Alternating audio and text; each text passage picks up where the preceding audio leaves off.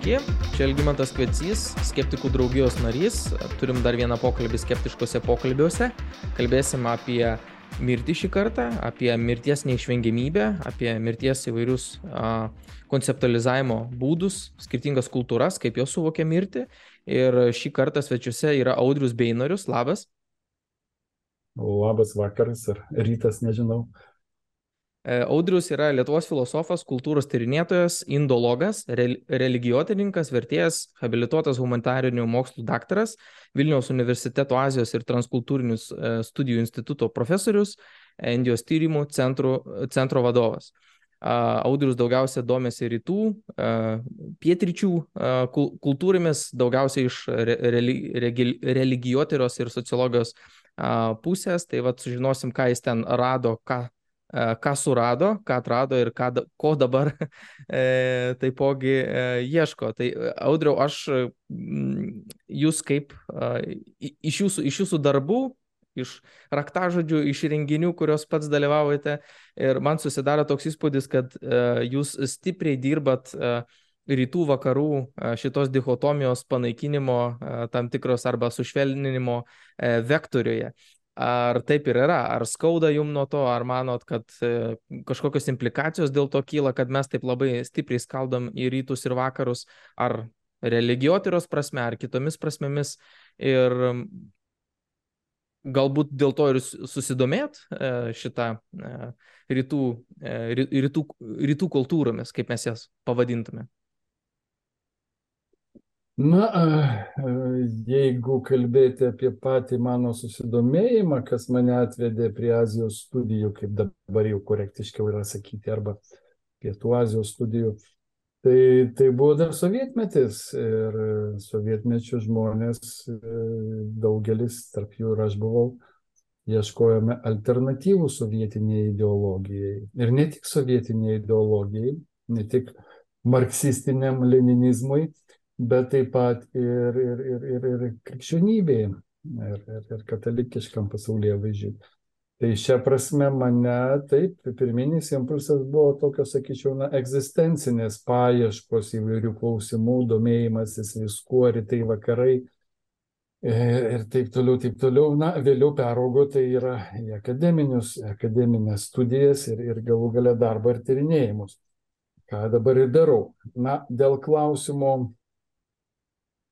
rytų vakarų dichotomijos panaikinimo, na labai keblu pasakyti, aš manau, kad tai neįmanoma. Iš vis, aš tokio, tokios intencijos net negaliu turėti. Na, ką reiškia tas dichotomijos panaikinimas?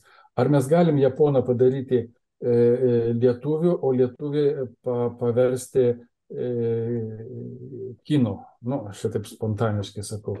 Yra kitokios kultūrinės apsprestis. Tai yra socializacija, auklėjimas, mes skirtingai netgi matome šiek tiek pasaulį. Aš jau nekalbu tam tikras vertybinės nuostatas, kurias formuoja ir, ir, ir religijos, socialiniai santykiai ir kiti dalykai. Tai mes negalime nieko kitų tapti taip lengvai paprastai, netgi po daugybės metų gyvenimo kitoj kultūroje. Tai aš tokios vizijos niekad neturėjau Ir aišku, tas terminas rytai vakarai yra gana, gana konceptualiai jau pasenęs, nebenaudojamas seniai, suvokiant, kad tiek vakarai, tiek ypač geografiniai rytai yra ne vienalyčiai dariniai, bet kita vertus galime galbūt taip nusakyti mano interesą, kad šalia domėjimuose pirmiausia Indijos filosofija, Pietų Azijos mm, budizmo, hinduizmo ir religiniam tradicijom, džainizmo ir kitom, mane taip pat domina ir aš stipriai domiuosi e, būtent pačia religijotyros istorija, religijotyros kaip akademinės disciplinos raida, kaip jinai formavosi, o čia stiprus impulsas atėjo per rytų pažinimą, kuomet europiečiai pradėjo pažinti daugiau Azijos religinės tradicijas ir, ir tuomet vyko tas laipsniškas e, atitolimas, kuris mano supratimu dar neįvykęs iki galo nuo teologijos, tai yra religijos studijos vis dar žygiuoja jie tam tikrą akademinį savarankiškumą, bandydamos atsitapatinti nuo teologinių konceptų, savokų ir prieigų, kurios vis dar stipriai mūsų europiečius, vakariečius įtakoja. Mhm. Tai vienas dalykas. Kitas dalykas, man įdomu yra taip, kitų kultūrų ir pirmiausiai tos pačios Indijos mąstymo tradicijos, vertybinės tradicijos, galų galia netgi psichologija. Aš pats 15 metų dėstau, pavyzdžiui, kultūrinę psichologiją, kuri kaip ką taip pat e, remiasi e, empiriniais tyrimais, empiriniais metodais ir tyrinėja, kaip kultūra apsprendžia, e, kiekviena kultūra, mūsų mąstymą, jauseną, motivaciją, elgseną ir daugelį kitų dalykų. Mhm. Tai kodėl mes negalim turbūt kitokiais ir tos, na, dichotomijos, netgi dichotomijos nėra. Dichotomija yra jau tarp mūsų ir Latvių, tarp mūsų ir Estų, kažkuria prasme, na, skirtumai, nevadinkime jų priešybėmis, bet skirtumai, skirtumais e, tam tikrais kultūrinės elgsenos arba palyginus kokį nors lietuvį su, su italų, ispanų, nu, skirtumai unikalūs. Tai šią prasme aš taip nusakyčiau trumpai, kad mano interesas yra pirmiausiai Azija, jų mentalitetai, įvairių tautų mąstymo būdai.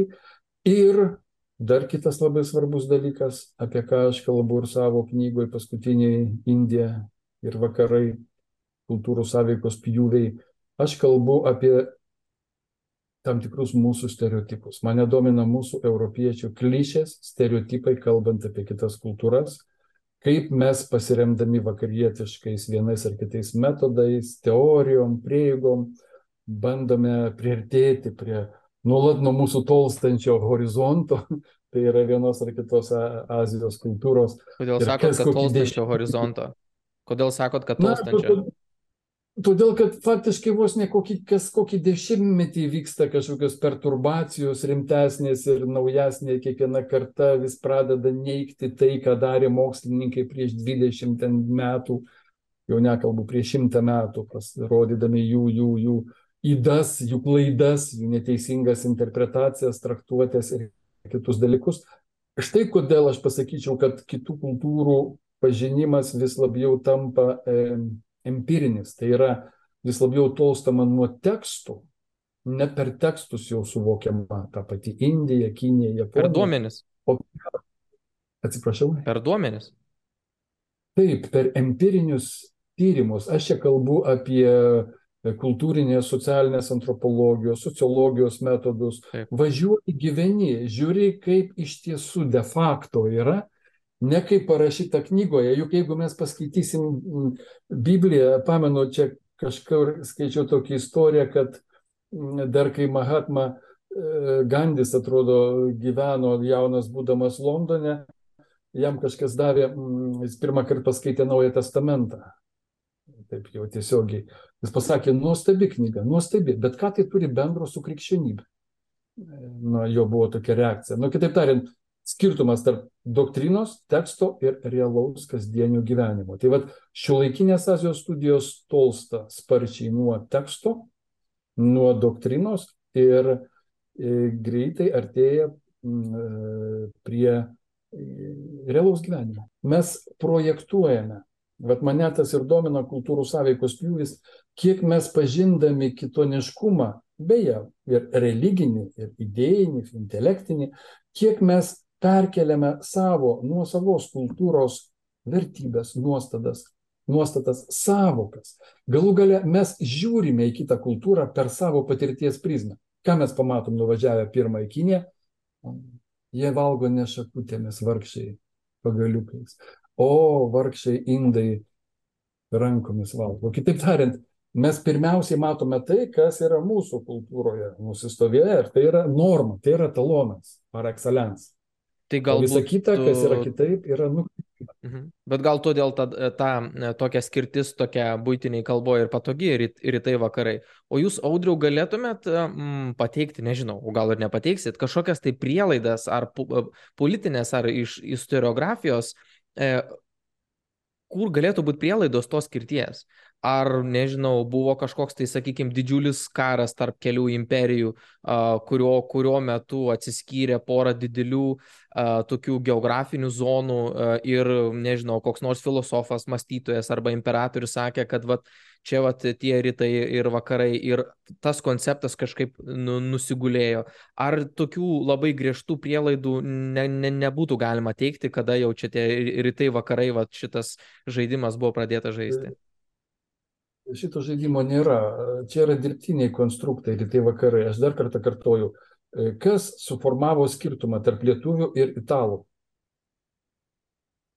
Daug kas, pradedant klimatiniam Taip. sąlygom, socialiniais procesais, istorinės, uh, istorijos raida uh, ir taip toliau, taip toliau. Galų gale, kiekviena kultūra yra unikali. Skirtumas tarp indų ir kokiu nors japonų yra didesnis tarp, nei tarp indų ir, sakykime, europiečių. Todėl mes naudodami žodį rytai, vakarai, mes tarsi, na, niveliuojame, viską sumetame į vieną katilą. Tai nu, jos yra įdingos savokos, jos dar atspindi tokia kokio 18-19 amžiaus nuostata, kai europiečiai, kai buvo pasaulis Europa ir visi kiti laukiniai. Nu, tuo metu supratimu. Tai va, tad, iš to laiko atsirado tos savokos. Ir jos atsirado dar iš Mano klausimas ir buvo e, nukreiptas į, į tai, ar galima apčiuopti kažkokį tai istorinį laikotarpį, kai, ši, e, kai šitas atskirtis, toks konstruktas, būtent a, įsigalėjo a, platesniu mastu.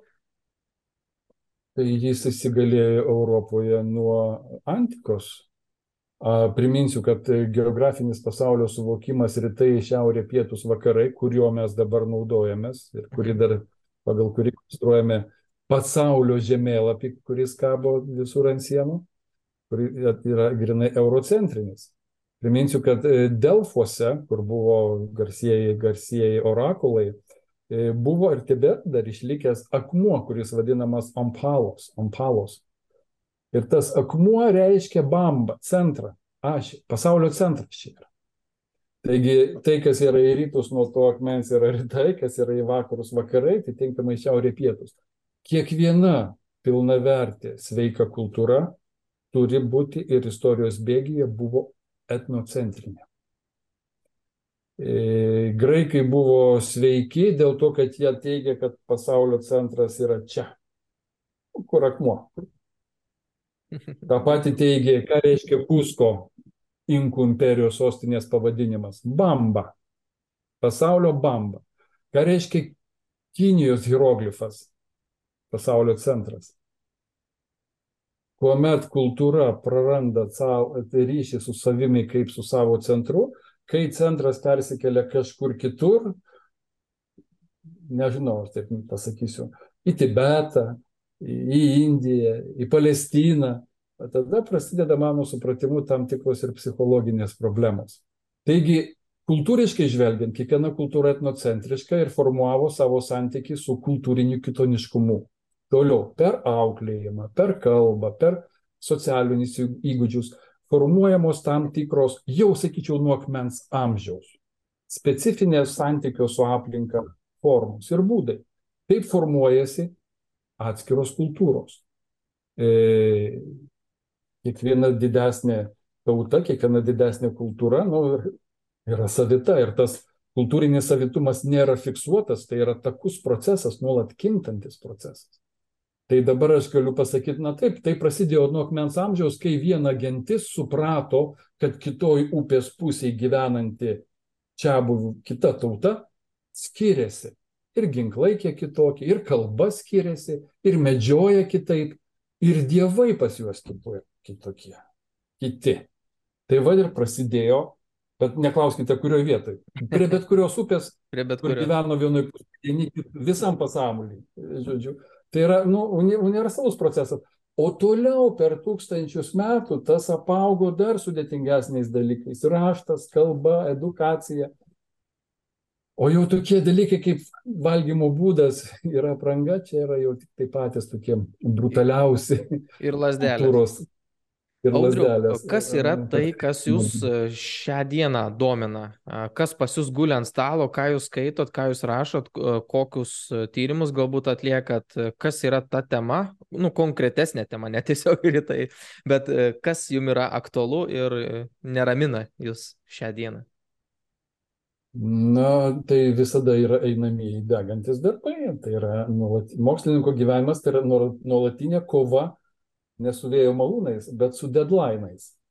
Tai e, vieną deadline pasivyji ir tau staiga iškyla kitas monstras, kitas deadline'as ir tu nuolat su jais kovoji. Tai čia vos netoks religinis tam tikras jau toks gyvenimo būdas, kai kuria prasme jis toks turi savo antipodus, ta prasme, ir tu esi pastoviam tokiam e, Taip. Ne, nu kaip, kai kurie, kai kurie deadline'ai yra e, tikrai monstriški, nes labai spaudžia ir laiko nėra ir čia va, tu jauti tą tokį santykį kaip su kokiu bloguoju demonu, bet kai kurie deadline'ai gal yra ir lengvesni, gal ir galėtų būti siejami su kokiu nors. Čia priklauso angelo. nuo kiek tu pragaro lygių, uh, um, apie kiek jų lygių kalbam. Um, ne, priklauso nuo to, kiek esi pasiruošęs. Taigi aš šokinėjau nuo vienos temos prie kitos, o dabar ruošiuosi konferencijai į Švediją kur skaitysiu pranešimą apie teosofijos raidą Lietuvoje, tokį kondensuotą, šiek tiek istorinį, ten yra Europos ezoterinių tyrimo asociacijos suvažiavimas. Apie Lietuvą kalbėsiu, o tuo pat metu sėdžiu dar vis prie savo kito projekto, kuris nors ir baigėsi, bet man dar jis nesibaigęs rašymo darbais. Tai yra likimo sėkmės karmos samprata Indijoje. Mhm. Tai kitas projektas, va tarp šiuo metu, tarp dviejų akmenų. Stumkit, stumkit tos akmenis. 23 metų vasario mėnesį Vilniaus universitete buvo, vyko konferencija apie mirtį. Daug skirtingų mokslininkų ir, ir praktikų ir daug skirtingų žmonių pristatė savo pranešimus, kalbėjo tą temą. Ir buvo tik, tikrai įdomus renginys, visus tus pranešimus aš perklausiau. O kodėl tas renginys vyko? Ar čia tiesiog taip sutapo, kad kažkoks projektas pasirašė ir taip nukrito, ar kažkokia tai e, aktualumas yra šitos temos, galbūt kažkas tiesiog pasiūlė, ar kokia prasme yra e, Lietuvos kontekste ir ap, apie šią temą e, kalbėti iš viso. Koks tikslas tos konferencijos? Buvo?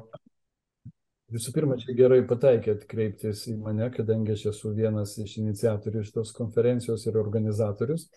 Ir, ir yra šiokia tokia prieš istorija, nes šitą konferenciją Vilniaus universiteto Azijos tyrimų institutas mes darėme kartu su humanistinės egzistencinės psichologijos institutu, kuris Birštone yra. Ir mes tai jau darome trečią kartą, kas trejata metų. Atsiprašau.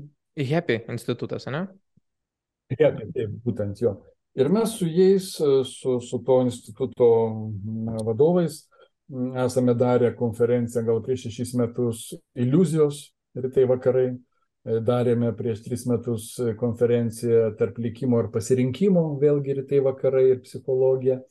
Na, o pandeminis kontekstas e, tarsi savaime suponavo tokią temą, nu, kadangi iškylo, prieartėjo tas mirties dvelgsmas ne vienam, aš turiu menį pačią pradžią pandeminės situacijos ir, ir visą uždarumą. Na ir tiesiog pasitarę mes apsistojame ties tokią temą, nes aš ir pats buvau kaip tik pandemijos metu skaitęs ir ne vieną viešą paskaitą apie mirtį Indijoje mirties refleksijas. Na ir kilo mintis dar ir dėl tos priežasties, kadangi mm, mes su psichologais, kolegomis taip ir darom. Aš, aš pasikviečiu kolegas e, kultūrologus, filosofus, orientalistus, jie surenka ratelį psichologų, psichiatrų. Ir mes tarsi turime tokią tarpdisciplininę perspektyvą, kur turime vieną fokusuotą temą. Ir mums įdomu yra, ką kalba jie, jiems įdomu, ką mes tyrinėjame ir ką mes galim pasakyti. O motyvas dargi lėmęs, jeigu žiūrint plačiau šalia atsitapatinant nuo pandeminio konteksto, buvo pats faktas tai, kad na, modernioje kultūroje mirties neigimas yra labai stiprus. Modernioje kultūroje, vakarų modernioje kultūroje mirtis neigiama, neigiama, apie mirtį bijoma kalbėti, galvoti, vengiama mirties. Apskritai mes mirties net nematome, jinai ir nuo mūsų pašalinta, atitolinta, netgi, sakyčiau, vos neuždrausta. Ir tik tuomet, kai miršta artimieji, na, mūsų ištinka ta mirtis. Ir tad neretai tai būna savotiškos, na, kaip sako egzistencialistai, egzistencinio lūžio akimirkos, kaip pajuntame savo bėgimo rate, kad na, esame silpni, bejėgiai, pažeidžiami ir kad gyvenimas yra baigtinis. Šitą mes juk dažniausiai kasdieniam sukūry darbų užmirštame. Ir va tokie, tokie momentai ne vieną iš mūsų pribloškia. E, kita vertus, aš pasakyčiau, kad neretai tokios būsenos, tokie, tokios akimirkos yra ir, na, toks prablaivėjimo metas, tikrovės pažinimo metas. Tai yra būties autentiškumo išgyvenimas, kuris mus gali arba stiprinti, motivuoti, padėti įvertinti, o ką mes čia veikiam šitoje ašarų pakalnėje, na, metaforiškai čia kalbu. Kita vertus, ne vienam tokios akimirkos sukelia ir baugulį, baimę. Arba, kaip sakė Siorenas Kerkogaras, toks nebūties siaubas sukelia. Na ir štai kodėl mūsų tikslas štai konferencijoje buvo pakalbėti ir apie mirties neišvengiamybės įsisamoninimą. Tai yra, e, kaip saveikaujama su mirtimi įvairiose Azijos kultūrose. Mes kalbėjome apie šiuo atveju konkrečiai apie budizmą, hinduizmą, islamą, apie lietuvių tautosaką, kaip lietuvių tautosaka, ką byloja apie tą seną, senesnį mūsų e, protėvių santykių su mirtimi. Kita vertus, e, taip pat, na, ką sako šiuolaikiniai psichologai, ką jie gali, ką, kas jiems atsiskleidžia per bendravimą su, su klientais, įvairiose aplinkybėse, įvairiose situacijose.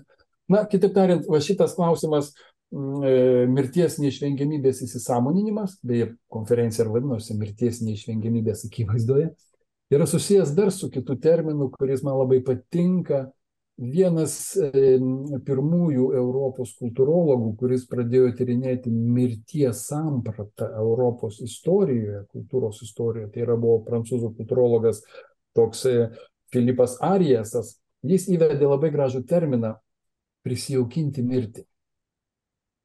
Jis teigia, kad mirtis yra laukinė, jinai nevaldoma. Mes, mes nuo jos bėgame, vengiame jos. Aš kalbu apie modernų žmogų, tradicinis žmogus, toj pačioj netgi europinėje kultūroje, buvo kur kas arčiau mirties ir kur kas turėjo glaudesnį santykį su mirtimi. Tai vad bet kuriu atveju prisijaukinti mirtį reiškia, na, priartėti prie jos, įsisamoninti ją, pažinti ne patį faktą jos, bet suvokti, kad, nu, galų gale, nu, mes esame baigtiniai.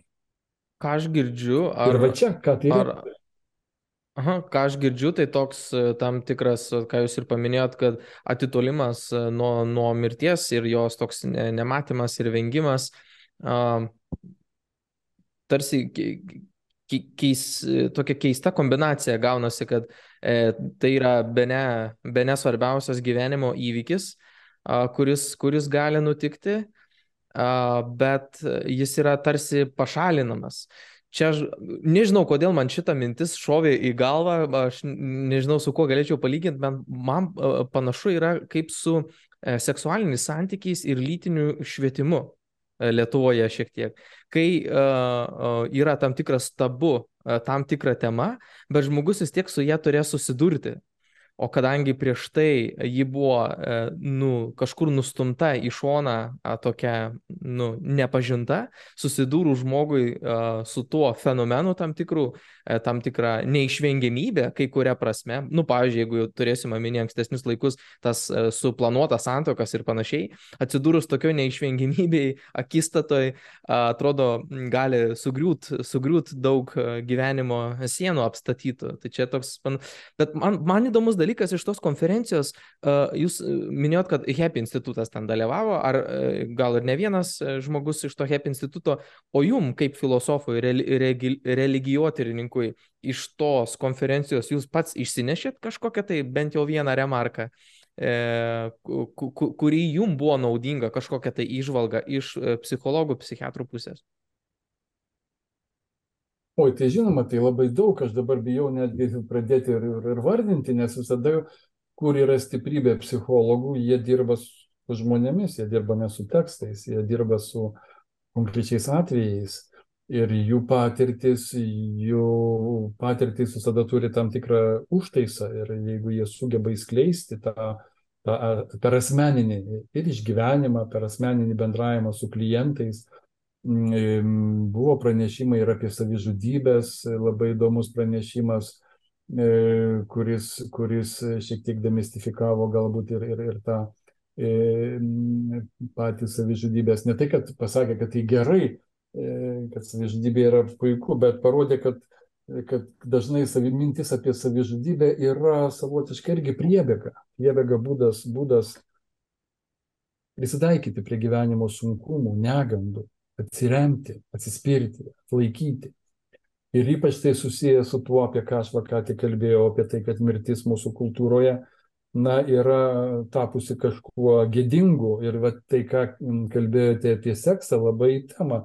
Nes dar 55 metais toks britų sociologas Geoffrey Goreris yra parašęs skandalingą straipsnį, kuris vadinosi mirties pornografija.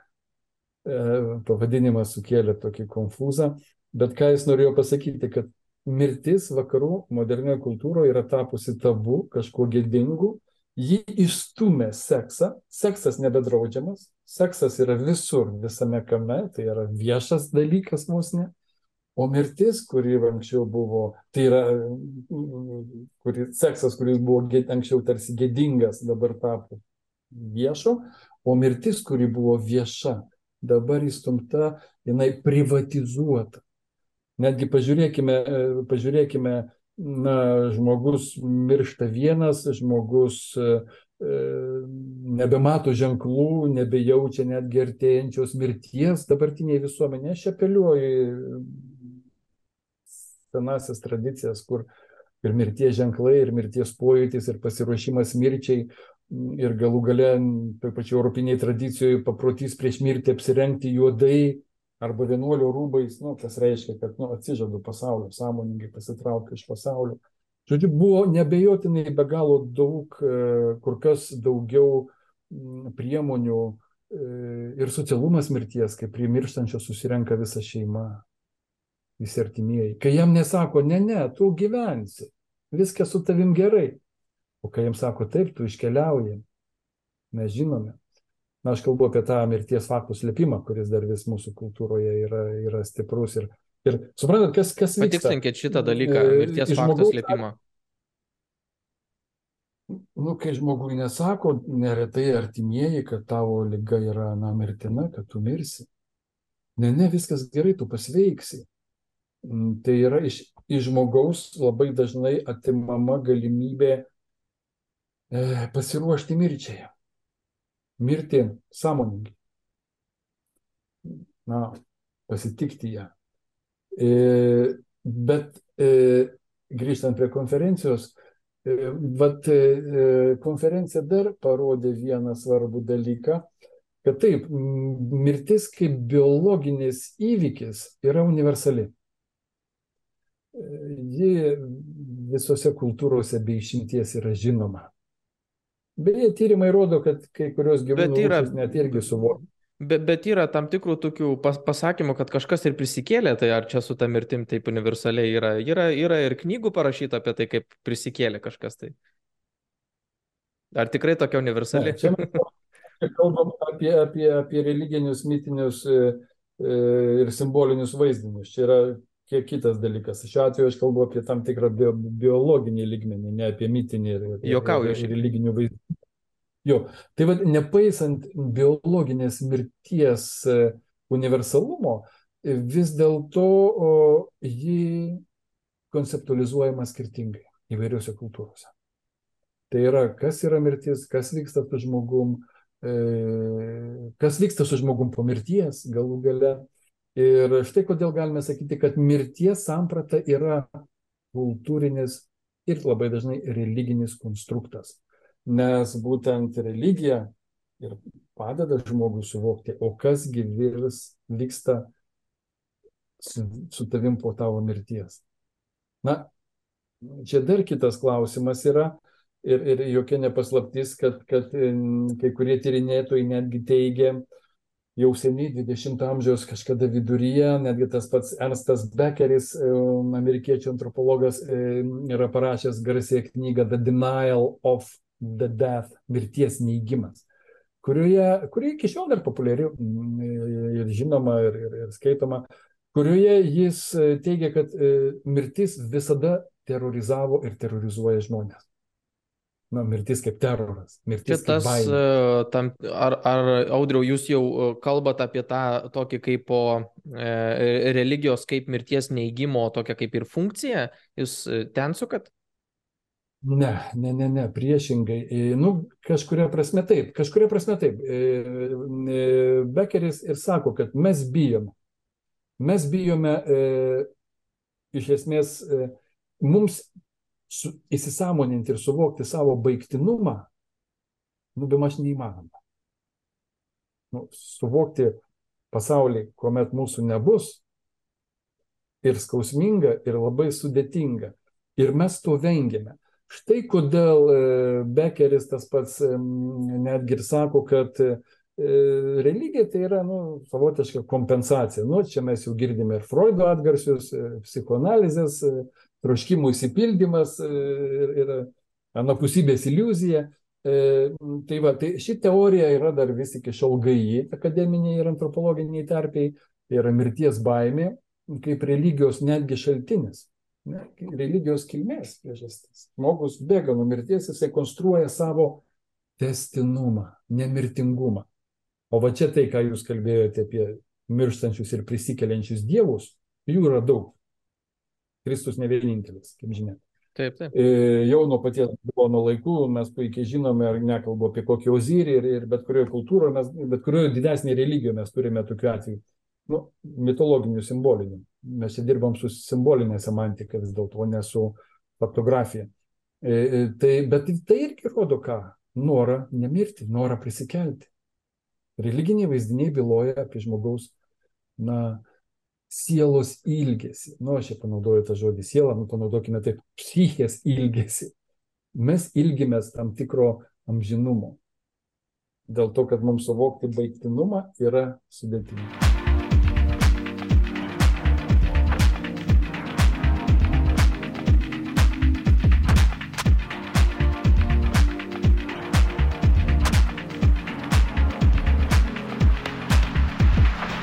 Ir aš minėjau šitą mm, Ernsto Bekerio teoriją, kuri netgi religiją kildina iš, iš, iš mirties baimės arba religiją traktuoja kaip, kaip savotišką kompensacinį mechanizmą, kuris padeda mums na, prisitaikyti prie, prie mirties neišvengiamybės. Tačiau kita vertus, na, kiti tyrinėtojai, šiuolaikiniai tyrinėtojai e, tą neigia. Neigia ką? Neigia, kad religija yra būtent atsiradusi iš, iš, iš, iš, iš mirties baimės. Ir neminėsiu čia pavardėm, neminėsiu tyriejų, bet pasakysiu, kad e, yra tokia pozicija, kad vis dėlto mirtis buvo suvokiama, nuo seniausių, seniausių laikų įvairiuose kultūrose, kai dar religiniai vaizdiniai buvo tokie blankus netgi vis dėlto kaip tam tikras perėjimas, mirtis kaip virsmas. Na, aš čia galiu apeliuoti į kokį nors vangenepą, kuris kalba apie tam tikros perėjimo, ride pasaž momentus. Taigi įvairios tautos, įvair, visos tautos, visos kultūros, be išimties, be išimties faktiškai galima taip sakyti, konstravo tam tikras priemonės, kurios turėjo padėti viena vertus mirusiajam iškeliauti, nu, į kitą pasaulį, jam žinybę, nu, nesvarbu. Kaip suvo... Čia priklauso. Čia jūs kalbate jau apie ritualą kažkokį tai? Žmogaus testinumas. Jūs sakot padėti, tai ritualas. Aš kalbu taip, taip, būtent taigi pats palaidojimas, visos apėgos, viskas, kas susijęs su laidotuvėmis, visose pasaulio kultūrose ir religinėse praktikose turėjo kelis tikslus - padėti mirusiam iškeliauti, kad jisai sėkmingai iškeliautų, kad jisai pasiektų tą pasaulį, taptų kažkuo. Ar tai būtų protėvių pasaulis, ar tai nesvarbu po kurio laiko nauja reinkarnacija, ar dar kažkas, ar metempsichozės doktrina. Na, čia priklausomai nuo religijos, ar rojus, ar, ar, ar dar kažką, nu, pragarą juk niekas nenori patekti, aišku. Ir niekas nelydi savo artimųjų į pragarą. Visi lydi geresnė vieta. Bet kita, kita paskirtis e, visų religinių mirties ritualų yra padėti savo, padėti likusiems. Kuria prasme padėti likusiems? Visų pirma, socialinė prasme. Išėjo tavo artimas, tavo šeimos žmogus. Nu, susitaikyti su jo netiktimi. E, jo vieta liko tuščia. Nu, nesvarbu, ar tai tėvas, ar mama, ar, ar, ar, ar vyras, ar, ar, ar vaikas.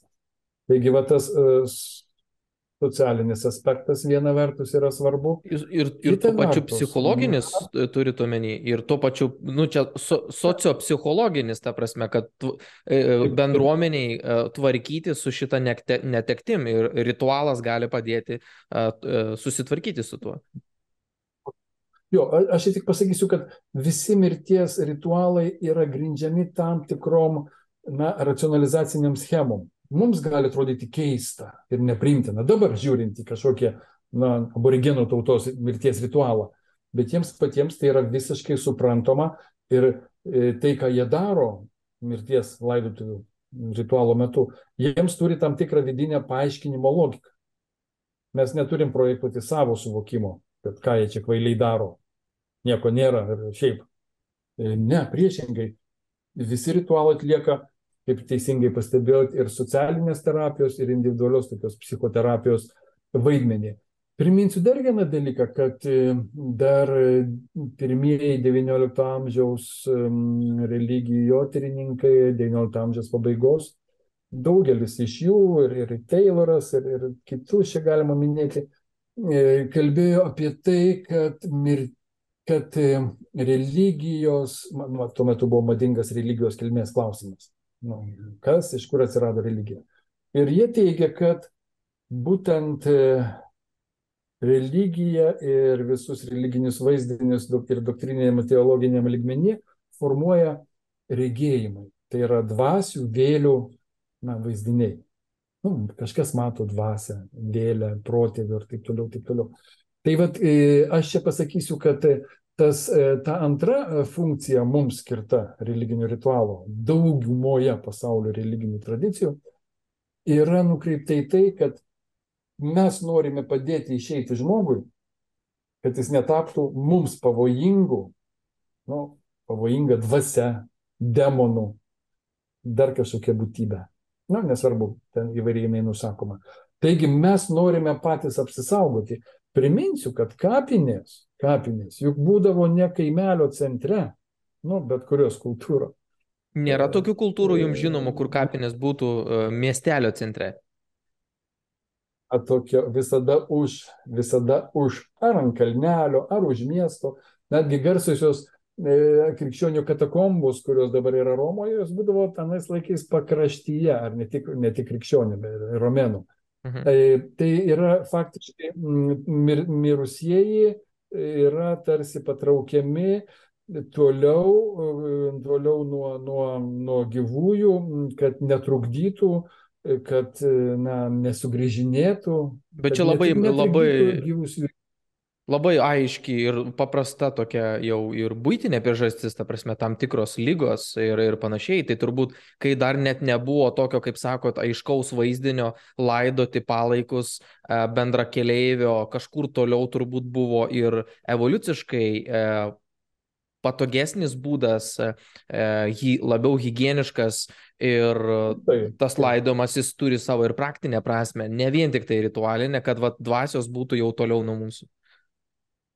Ir, tai, ir taip, ir taip, bet aš pateiksiu pavyzdį iš savo tyrinėjimo e, lauko, iš tos pačios Indijos, mhm. kurie yra labai sudėtingi, rafinuoti ir labai kompleksiški e, mirties ir santykių su mirusiais ritualai, apėgos, ceremonijos.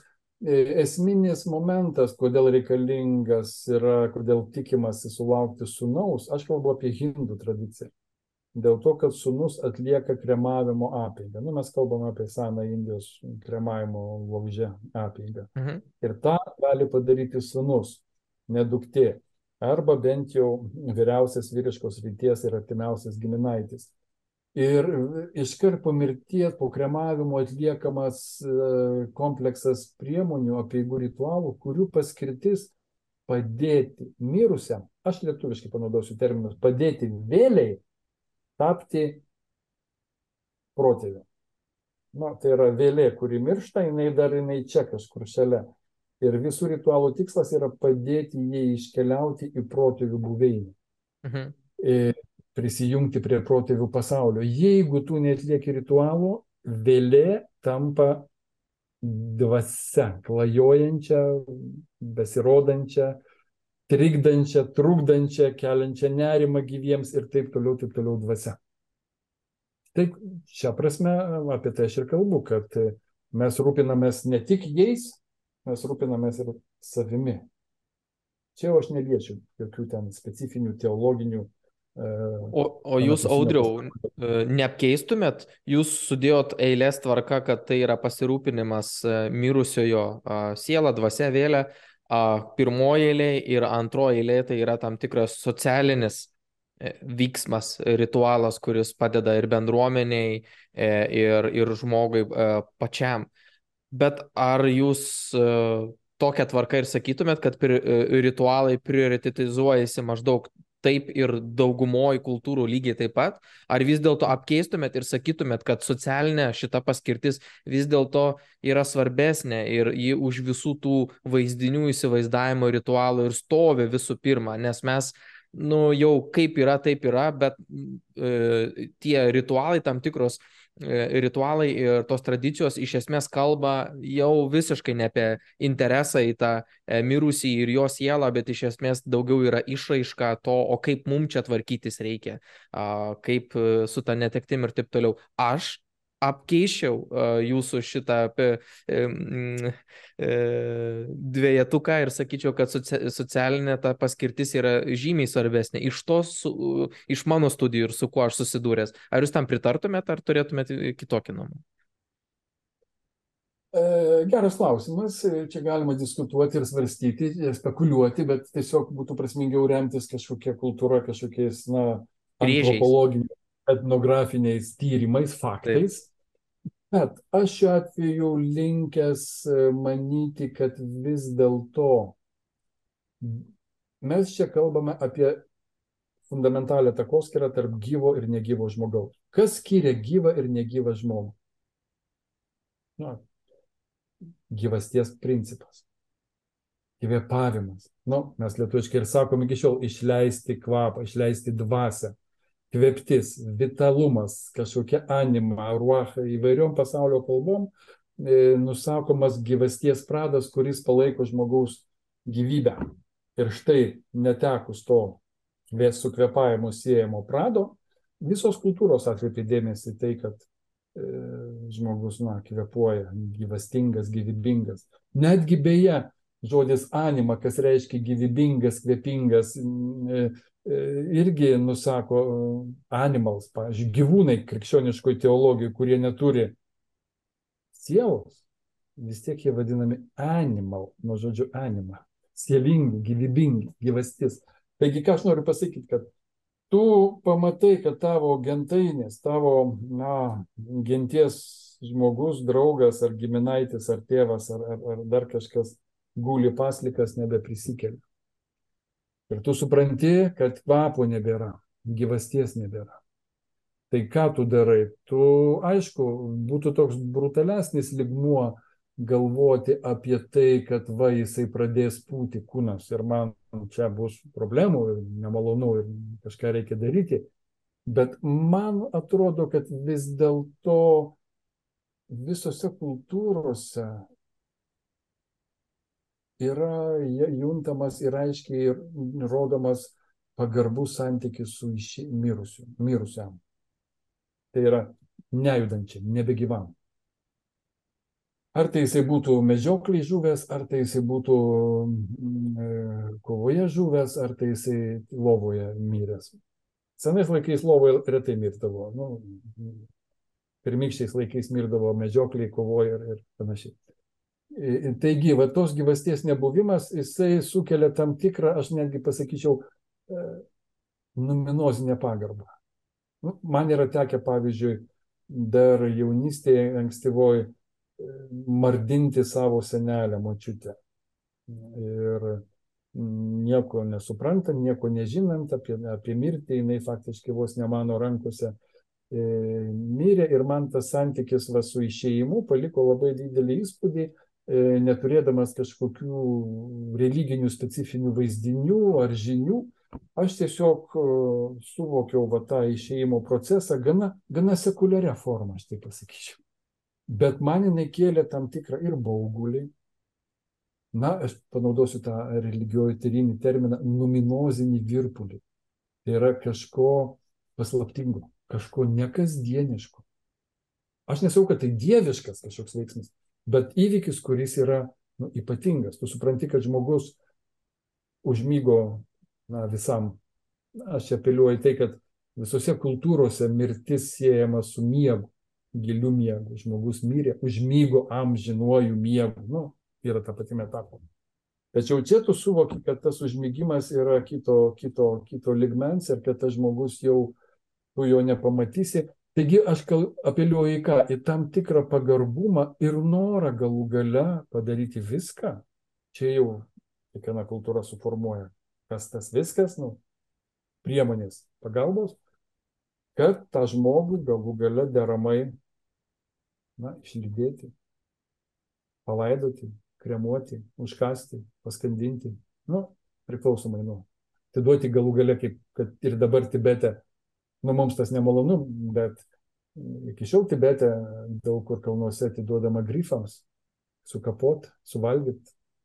Parsai, kurie atiduoda kūną, kurie atiduoda kūną iki šiol, Bombėjuje ar kitur, e, grifams suėsti, vadinama tylos bokštai Bet tai irgi ne dėl to daroma, kad jie negerbė mirusiojo. Priešingai, jie gerbė mirusiai. Bet netgi ugnį, į ugnį atiduodamas kūną, aš nekalbu kišdamas į žemę ar kišdamas į vandenį, tu užterši gamtos elementus. Grifai suminta, jie atlieka savotišką na, elementų metabolizmą ir tokiu būdu nebelieka užtarštumo. Mm. Taipgi dar vienas labai svarbus dalykas. Taip, visose kultūrose, visose religinėse kultūrose mm, beveik, beveik. Visa tai, kas susijęs su mirtimi, yra laikoma nešvaru. Ir čia jūs teisingai pastebėjot, kad galų galia pradant kvapų, kvapas, buvimas ir taip toliau. Ir netgi toj pačioj Indijoje yra be galo daug religinių praktikų, kurios, kurios padeda nu, apsivalyti po santykių su, mirtim, su, su mirusiuoju. Nu, tu, tiek fiziškai, tiek, tiek dvasiškai, taip? Ir... Nu, pirmiausia, kalbam apie dvasinį apsivalymą, apie dvasinį užsiteršimą. Mirtis kaip entropija, mirtis kaip nikimas, mirtis kaip susiskaidimas, įsiskaidimas ir, ir taip toliau, taip toliau. Ir... O tai kokią funkciją tas apsivalymas tada dvasinis e, teikia, kitaip sakant, tu susiduri su ta vėl kaip ir neįgymo tam tikras dalykas, tu susiduri su ją, pabuvai šalia jos, atlikai ritualus, atsisveikinai su savo artimuoju ir tada tu turi pereiti kažkokį kitą etapą, e, vėl e, tarsi tam tikrą prasme paneigti tą susidūrimą ir vėl keliauti toliau, ar kokią funkciją atlieka? Tiesiog dalyvaudamas mirties veiksme, tu pernelik priartėjai prie tos ribos gyvųjų ir mirusių santykių. Tu priartėjai prie anapusinio pasaulio, bet taip galima pasakyti. Kuris yra baugus, kuris nėra saugus, kuris yra kaip didelė tamsi e, gyria, į kurią įeidamas tu nežinai, kas ten tiko. Ir tu čia nežinai, aišku, yra religinė edukacija, religiniai vaizdiniai, bet tu prieartėjai prie tos ribos, kuri tau kelia tam tikrą virpulį, nesaugumo jausmą. Taigi tu apsivalai nuo, nuo to, prie ko tu prisilieti, grįždamas prie, prie šio pasaulio e, dalykų, prie gyvasties. Na, e, vėlgi, kodėl man įdomi yra ir, ir, ir mirties, mirties indiškoji samprata, netgi etimologinė prasme yra dar vienas labai svarbus dalykas, vienas iš mirties mritijų, na, lietuviškas, sanskritiškas tas ryšys, mirtis, mritijų, labai dažnai tapatinama ir ikonografiškai, ir religinės simbolikos lygmenyje su laiku, kala, laikas. Taigi mirtis yra neatsiejama nuo laiko. Laikas pats savaime yra nuolatinis entropijos procesas. Kažko praradimas, kažko išnykimas, kažkas praeina. Taigi šią prasme mirtis yra to sudėtinė dalis, nuo kurios tu niekur, niekur ne, ne, ne, nepabėgsi. Tame yra ir pasiruošimo elementas. Visose tradicinėse kultūrose vis dėlto visi, kaip jau minėjau, ritualai turėjo padėti žmogui mm, pasiruošti. Nu, aš, aš kažkada sakiau, kad e, kiekvieną kartą e, dalyvaudamas laidotuvėse artimų žmonių, aš, e, atsiprašau, taip pasakysiu, aš kažkaip nesąmoningai pasimatuoju karste. Na, mintise taip, nu, bet, kaip, aš, kaip, kaip aš ten, galų galia, kaip aš ten atrodysiu. Tai turbūt aš labai labai nustepčiau, jeigu kažkas susidūrė su Uh, turbūt ne kiekvieną dieną mes netenkam artimųjų, uh, bet aš labai nustepčiau, jeigu kuris nors nesimatuotų uh, to karsto, tos urnos, ar, ar čia būtų turbūt labai keistas netgi, nes, nu, to, tokioj, tokioj situacijoje tu vargiai gali išvengti to klausimo, o, o kada aš, o, o, kada, o kada tas mano laikas.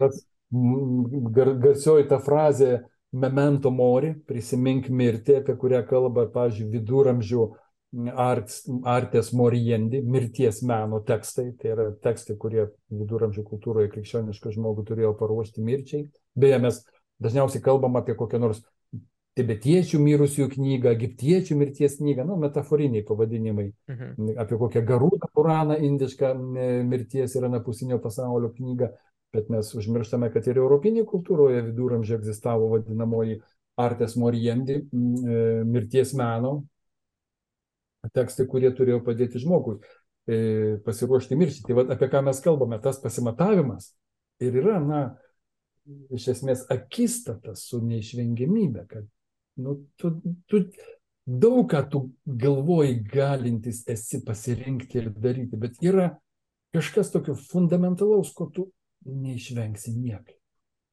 Tu gali atitolinti, tu gali užsimiršti, tu gali negalvoti apie tai, tu gali bijoti apie tai, bet tu nuo to niekur nedingsi. Ir aš kadaise tokį e, jaunystėje e, turėjau tokį pomėgį, nežinau, gal kvailą, bet aš mėgdavau kažkokius vakarėlius, draugų rateliuose, e, kai žmonės jau išyla, atsipalaidavę ir po vyno, vyno taurės, E, e, aš pradėdavau tokį kelti klausimą. Papasakokit, o ką jūs norėtumėt veikti po mirties? Tai jūs vakarėlė buvo tas, e, tas nuotaikos gadintojas, kai jau įsivyrauja vakarėlis, Audrius išstoja su filosofiniu klausimu ir pradeda. Taip? Na, mano, mano intencija buvo tokia triksteriška, truputėlį provokatyvi. E, galbūt kontekstas ne visada buvo tinkamas, bet man buvo įdomu reakcijos žmonių. Ir tikrai labai dažnai žmonėms tai tarsi, na, nu, kas taip perkeičia. Vien tą paminėjus mirties patį faktą, va čia linksmybė, gyvenimas, gyvastis, kunkuliuoja ir staiga mirtis. Ir ne, ne, ne, nereikia, pasitrauk dink iš čia, netrukdyk. E, e, kiti susimasto, Aš nekeliu klausimą, kokius religinius vaizdinius tu turi, bet klausimas yra tokia optatyvinė forma, ką tu norėtum, jeigu būtų galimybė pasirinkti po mirties veikti. E, na ir man buvo įdomu išgirsti įvairių minčių, ką žmogus darytų, ko jis nebedarytų, ką jis pagaliau darytų. Na ir taip toliau, taip toliau. Bet ką aš noriu pasakyti, kad mm, tokio pobūdžio mintis jau savaime, aš pasakyčiau, yra prielaida religinių vaizdinių generavimo. Kai tu prisėmė religinius vaizdinius, vienos ar kitos doktrinos, tu įsivaizduoji, kas vyksta po mirties, sielų sverimas, rojus, pragaras, skaistyklo formos ir taip toliau. Bet čia veikiausiai daugybė. Audriau, bet čia yra tam tikras irgi toks, kaip čia pasakyti, uh, kai tu, neg... toks posakis, kai tu negali atmatyti. Nu, kitaip sakant, tu sakai žmogui, o, o tai kaip bus, e, o ką darysi po to, žinai. Tai vien tik tai šitas konceptas po to, jis yra toks užkrautas, jis yra su tokiu bagažu, jis yra toks nerealus bagažas šit, e, šitam klausimą, iš kurio gali pasirinkti bet kokį sąstatą - šortų ir maikės, kostiumo ir, ir kaklaraišio, kokį nori tik tais šitam bagaže gali susirinkti.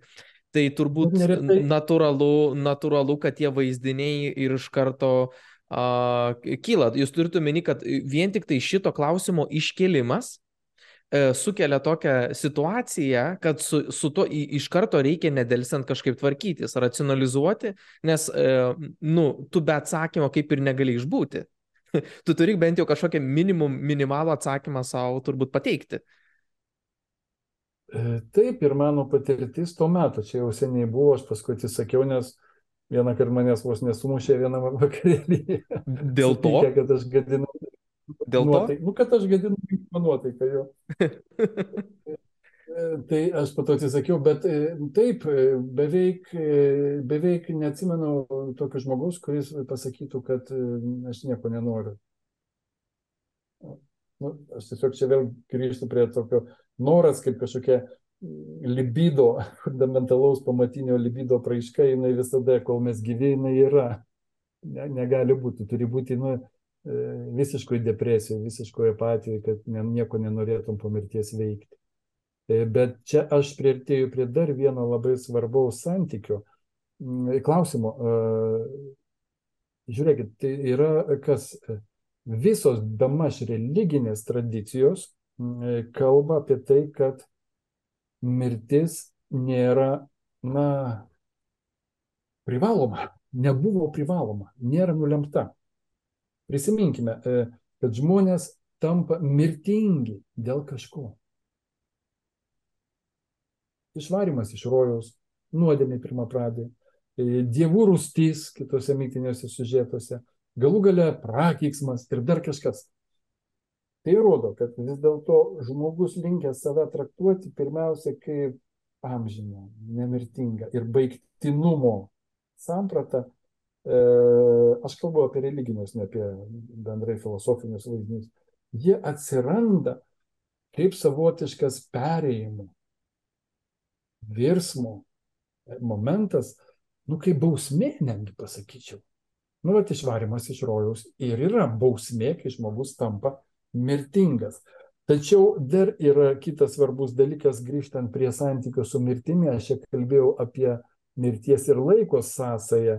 Tačiau yra dar vienas labai svarbus dalykas, mes neužmirškime ir to, kad mirtis susijusi su likimu. Ką reiškia priimti mirtį, priimti mirties neišvengiamybę? Aš čia vėl prie to konferencijos raktažodžio grįžtu. Tai reiškia iš esmės atpažinti savo lemtį. Mūsų, ypač modernioje visuomenėje, mes šito žodžio likimas, lemtis, na, vengiam arba suteikiam fatalistinį atspalvį kažkokį. Labai gaila.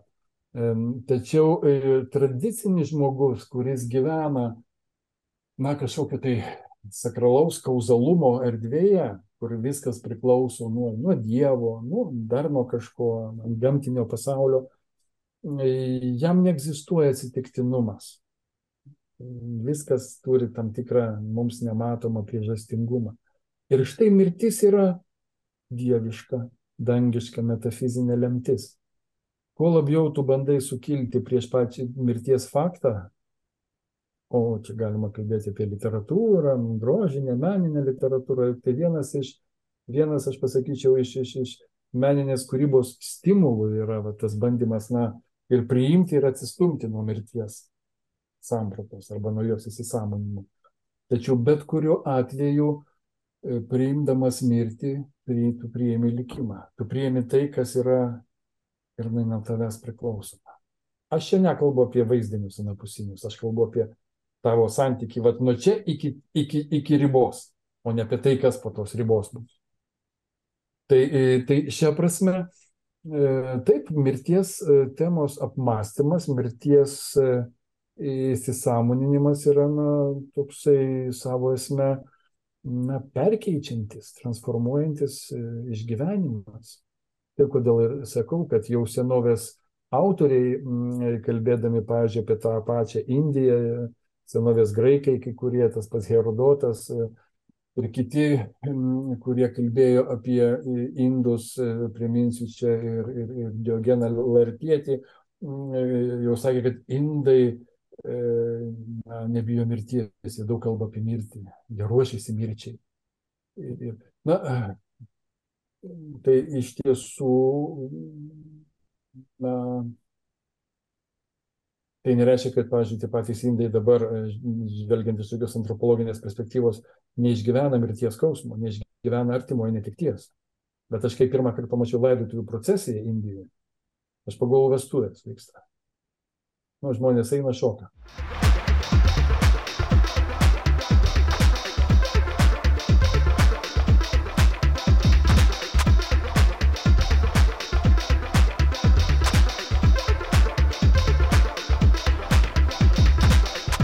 Skirtingose kultūrose, nu, kartais mes egzotiškai galim pamatyti, pat ten Afrikoje, Pietų Amerikoje, matom šokius, dainas per laidotuvės, e, įvairias tokias linksmas, gana apėgas žmonės džiaugiasi.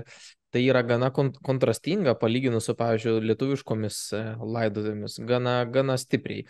O Iš kur, iš kur tokias, na, aišku, vėlgi čia toks labai platus klausimas, tai tų skirtumų, skirtumai įtakoti yra labai plačiai, bet kaip tas skirtingas toks ritualų, tas santykis, kaip įtakoja paties tą mirties su, supratimą ir, ir, ir kažkokias kitas implikacijas turi, vad kaip jūs ir, ir minit, gal prateskit savo tą įspūdį ir tuo pačiu pabandykite į, į mano klausimą sureaguoti.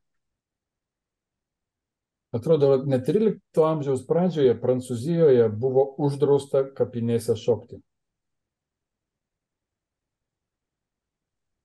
Labą dieną. Pierre, šitas e, e, minėtas Filipas Ariesas, e, kuris kalba apie mirties sampratą Europos kultūroje, aprašo patį tą faktą jeigu neklystu jo, mhm. kai kalba apie, apie transformacijas, kurias patyrė europinė kultūra, mes apie vieną tik europinę kultūrą kalbam, ten vyko įvairūs pokyčiai santykių su mirtim, tos pačios krikščioniškos kultūros erdvėjai.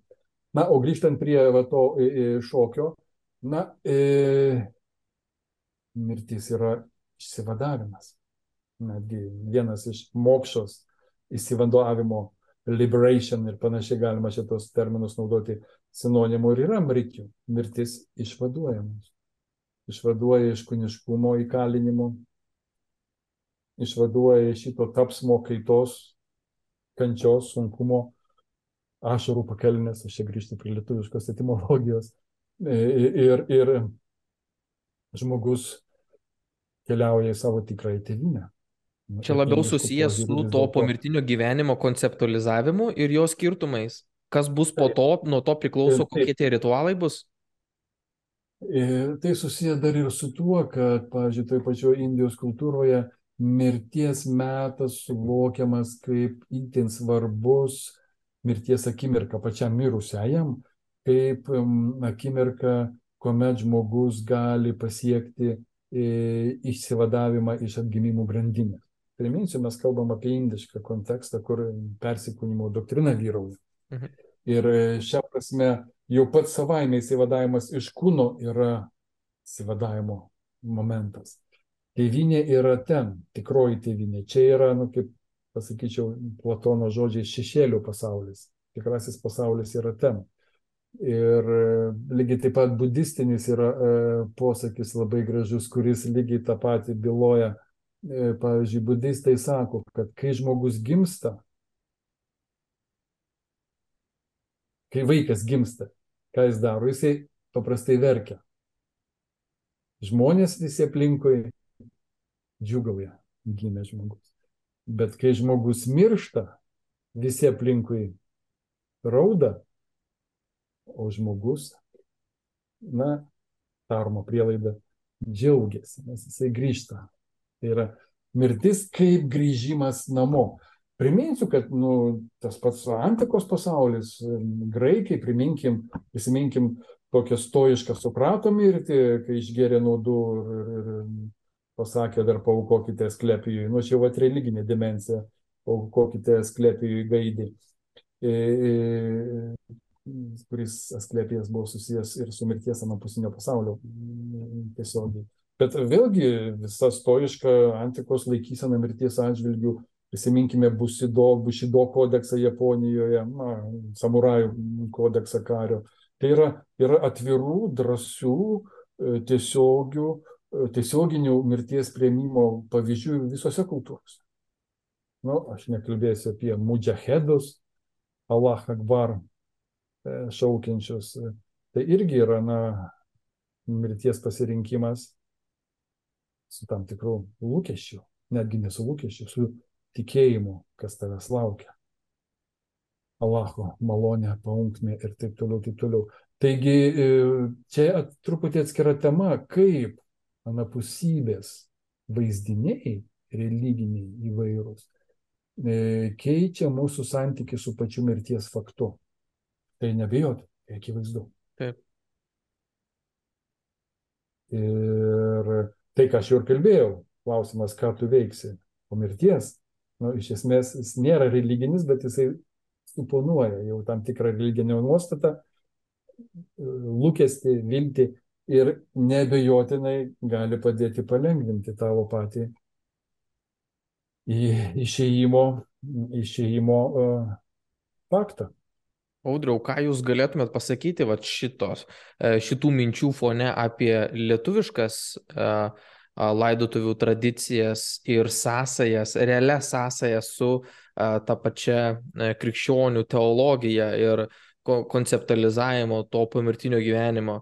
Nes man kai kuria prasme tai atrodo toks truputį atitrūkęs vienas nuo kito toks konceptas, kaip ir E, tu lauki to e, susitikimo su, e, kita, kitam pasauliu su, su Dievu, bet visos tos procesijos, visi tie um, ritualai atrodo tokie sukoncentruoti į kažkokį tai uh, nežinau, kažkokį tai skausmą, praradimą ir, nu, nežinau, net sunku man įvardinti, man gal netrūksta žodžių e, šitam. Kaip jūs vertinat, ar, ar, ar čia yra kažkoks atitolės, ar taip ir turėtų būti? Kitaip sakant, 21 e, amžiui po, po tokios krikščioniškosios um, kultūros raidos mes tokį vaizdą ir turėtume matyti. Nieko čia nuostabaus.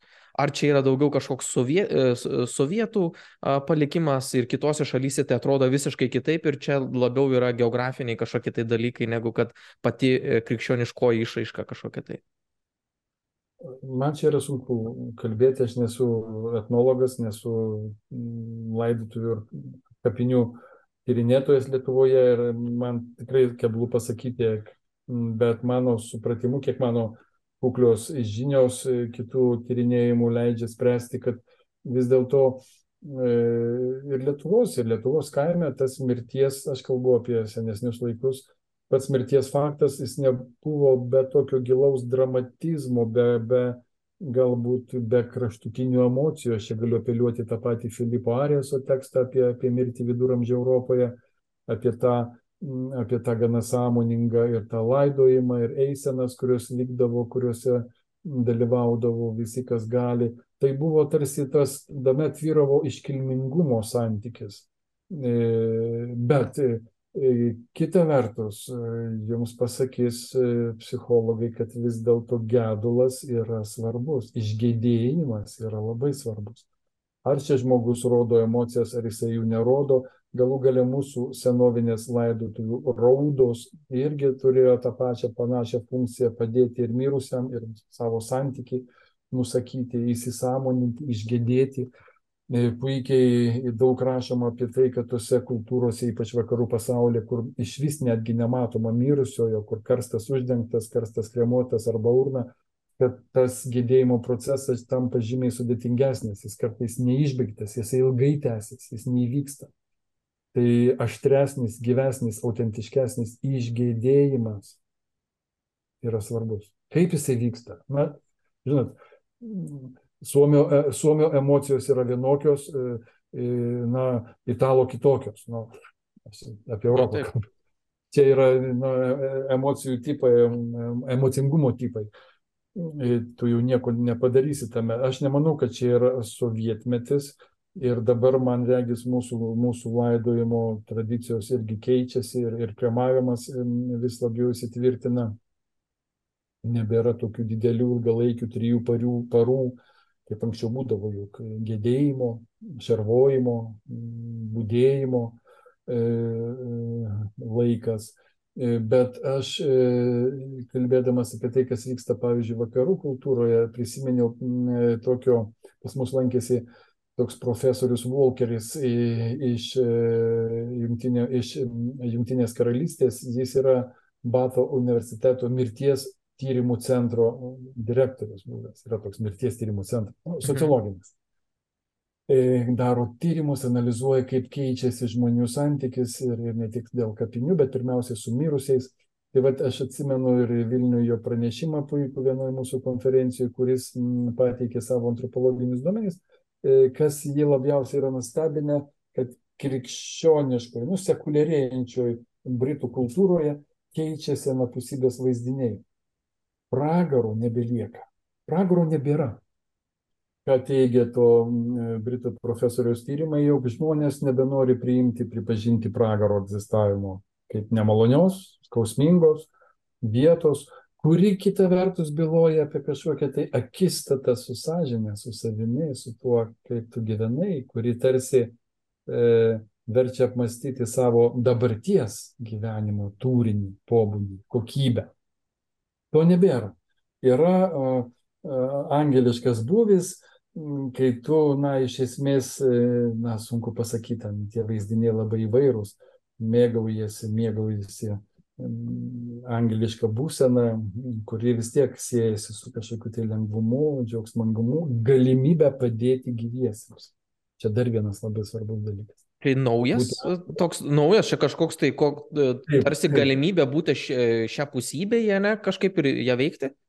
Labiau saveikauti su šia pusybė ir būtent tai, kad klasikinė krikščioniška teologija tikrai neteigia, kad žmonės tampa angelais, tai yra takoskira didelė tarp angelų pasaulio ir žmonių pasaulio ir žmonių pasaulis netgi yra geresnis, daugiau žadantis nei angelų pasaulis, o čia atsiranda nauja transformacija, naujas žingsnis, naujas požiūris, bet tai irgi rodo, kad ir ta pati, ne pati krikščioniška teologija keičiasi, jinai nesikeičia bet aš kalbu apie procesus, e, kurie, kaip liūdė antropologiniai tyrimai, vyksta tokių sekuliarėjančių visuomenių. Ir religiniai vaizdiniai, jie neišnyksta visai, bet jie gauna naujus pavydalus, naujas prasmes, naujas reikšmes ir tos, kurios yra labiau šiuolaikinės, o tos šiuolaikinės ką reiškia? Na, mums labiau priimtinos, patogesnės, malonesnės, džiaugsmingesnės.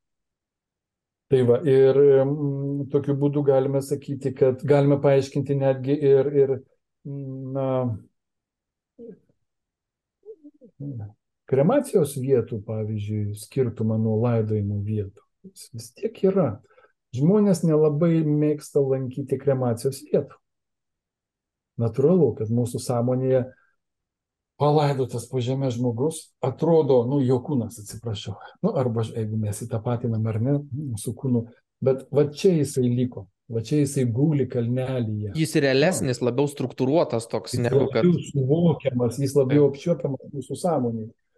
O kad ten kažkur skrinelėje, kolumbariume guli e, pelenai, na, žinau, kad jie guli, bet jie man kur kas toliau siejami su išėjusiuoju. Aš jau nekalbu apie tai, kaip jau pelenus tu išberį į Gangą ar, ar ir, ir Baltijos jūrą.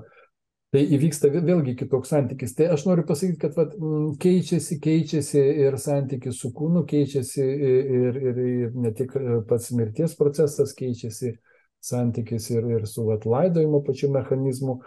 Ir labai sunku pasakyti, kur link, kur link mes einam. Ir kiek tame sekuliarėjimo įtaka. Tai mes aš pokalbiu. Aha. Pabaikit. E, aš tada tą kartoju.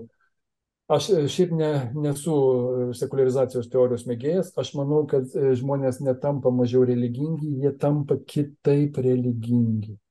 Tas religingumas tampa labiau individualizuotas, labiau subjektivus, labiau, sakykime taip, humanistinis, privatizuotas, mažiau doktrininis. Bet jeigu o po mir, tikėjimą po mirtiniu testinumu mes galime laikyti vienu iš pamatinių religingumo pagrindų, tai galiu pasakyti, kad tikrai na, visuomenė dar vis religinga. E, sutikčiau su, su, su šitą uh, hipotezę, kad uh, aš asmeniškai sutikčiau. Bet pratesiant irgi, ką mes ir pokalbio pradžioj paminėjom apie tą moder, modernųjį pasaulį ir apie tą uh, mirties fenomeno, tos neišvengimybės neįgymą, galbūt galėtumėt plačiau šiek tiek irgi ir, pasidalinti savo išvalgom, kaip tas mirties neigimas šiais laikais e, atrodo, kuo jis išskirtinis, kokios tos apraiškos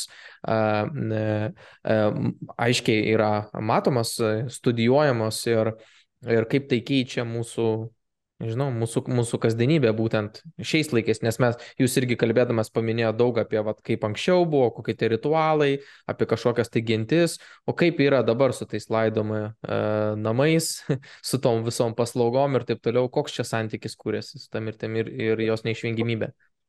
Vėlgi pabrėšiu, kad aš netirinėjau tai, kas čia pas mus vyksta Lietuvoje, aš nesu, nesu tanatologas, nesu mirties antropologas ir gal čia Lietuvoje yra tikrai tokių sociologų, kurie tą tyrinėja, bent jau žinau, yra tekę dalyvauti kažkada ir televizijos laidoje, kur buvo kalbama apie mirtį ir apie kapines ir yra žmonių, kurie analizuoja pokyčius kapinių erdvėje, kaip keičiasi kapinių priežiūra, santykiai žmonių su, su kapinėm ir, ir panašiais dalykais. Bet mano tai klausimas nėra visiškai su lietuvišku kontekstu. Yra. Tačiau aš pasikartosiu tai, ką galbūt bandžiau pradžioje nusakyti, kad mirtis tapo kažkuo gėdingu. Mirtis, kur mes matome mirtį savo kasdienėme gyvenime? Nu, jos nėra. Televizoriui, nu, ten, ten, ten kas minutę žudo, šaudo, bet tai mes neišgyvename, mūsų emocinė, emocinė prasme nepaliečia. Taigi E, jos yra tapę mūsų kasdieniam gyvenime kur kas mažiau. Vaikai irgi nedalyvauja, vaikai irgi nelabai nori eiti į artimųjų giminių laidotuvės. Tai kelia mums mirties aplinkybės, pats laidojimo procesas kelia tam tikrą nesaugumo, diskomforto jausmą. Kažką perkelia mus į kitą kažkokią dimenciją. Vat kodėl tai ir pasakė, kad mirtis yra tapusi, tapusi tabu, e, mano minėtas Goreris Jisai netgi pasakė kitą dalyką, jeigu kiek pamenu, netgi taip drąsiau, kad netgi gedulas yra tapęs labai mm, e, intimus. Gedėti galima kaip ir masturbuotis tik privačiai. Nerodyk savo gedulo kitiems. Mm, kitiems tai nepatinka, kitiems to nereikia. Įsigėdėk savo kambarėlį vienas. Nekišk čia, tai aš... savo, nekišk čia savo jausmų ir gedalo į, į, į, į kitiems. Ir ne tik jausmų, tu galų galę mums primeni mirties faktą. Mes, mes, visa mūsų modernioji jaunystės kulto kultūra, ji mus moko bėgti, bėgti nuo, nuo, nuo mirties temos, visais pavydalais. Jaunystės kultas, pažiūrėkite filmus meninius, galų galę kiek tų filmų apie mirtį. Yra jų, bet neretai ir, ir, ir, ir linksmų filmų esama. Tačiau, palyginimo... Bet audriu, ar čia nėra tokios, sakykime, tokios tam tikros šio laikinės transformacijos, jeigu mes neturim, uh, kaip čia sakyti, uh, su, jeigu mes taip gyvai ne, nenorim susidurti, neturim, sakykime, bandau daryti prielaidą, kad tam tikros tradicijos e, tam susidūrimui išlaikyti ir tam kažkaip pratintis, galbūt šiek tiek darau tokią prezumciją, kad nyksta, bet tie kiti substitutai, kurie galbūt yra tam tikri, nu, pakaitalai, tai mirčiai, pažiūrėjau, kompiuteriniai žaidimai, kažkokios žudynės, tie patys filmai, kažkokie scenarijai, kurie tarsi tau parodo tos faktus, galbūt didesnių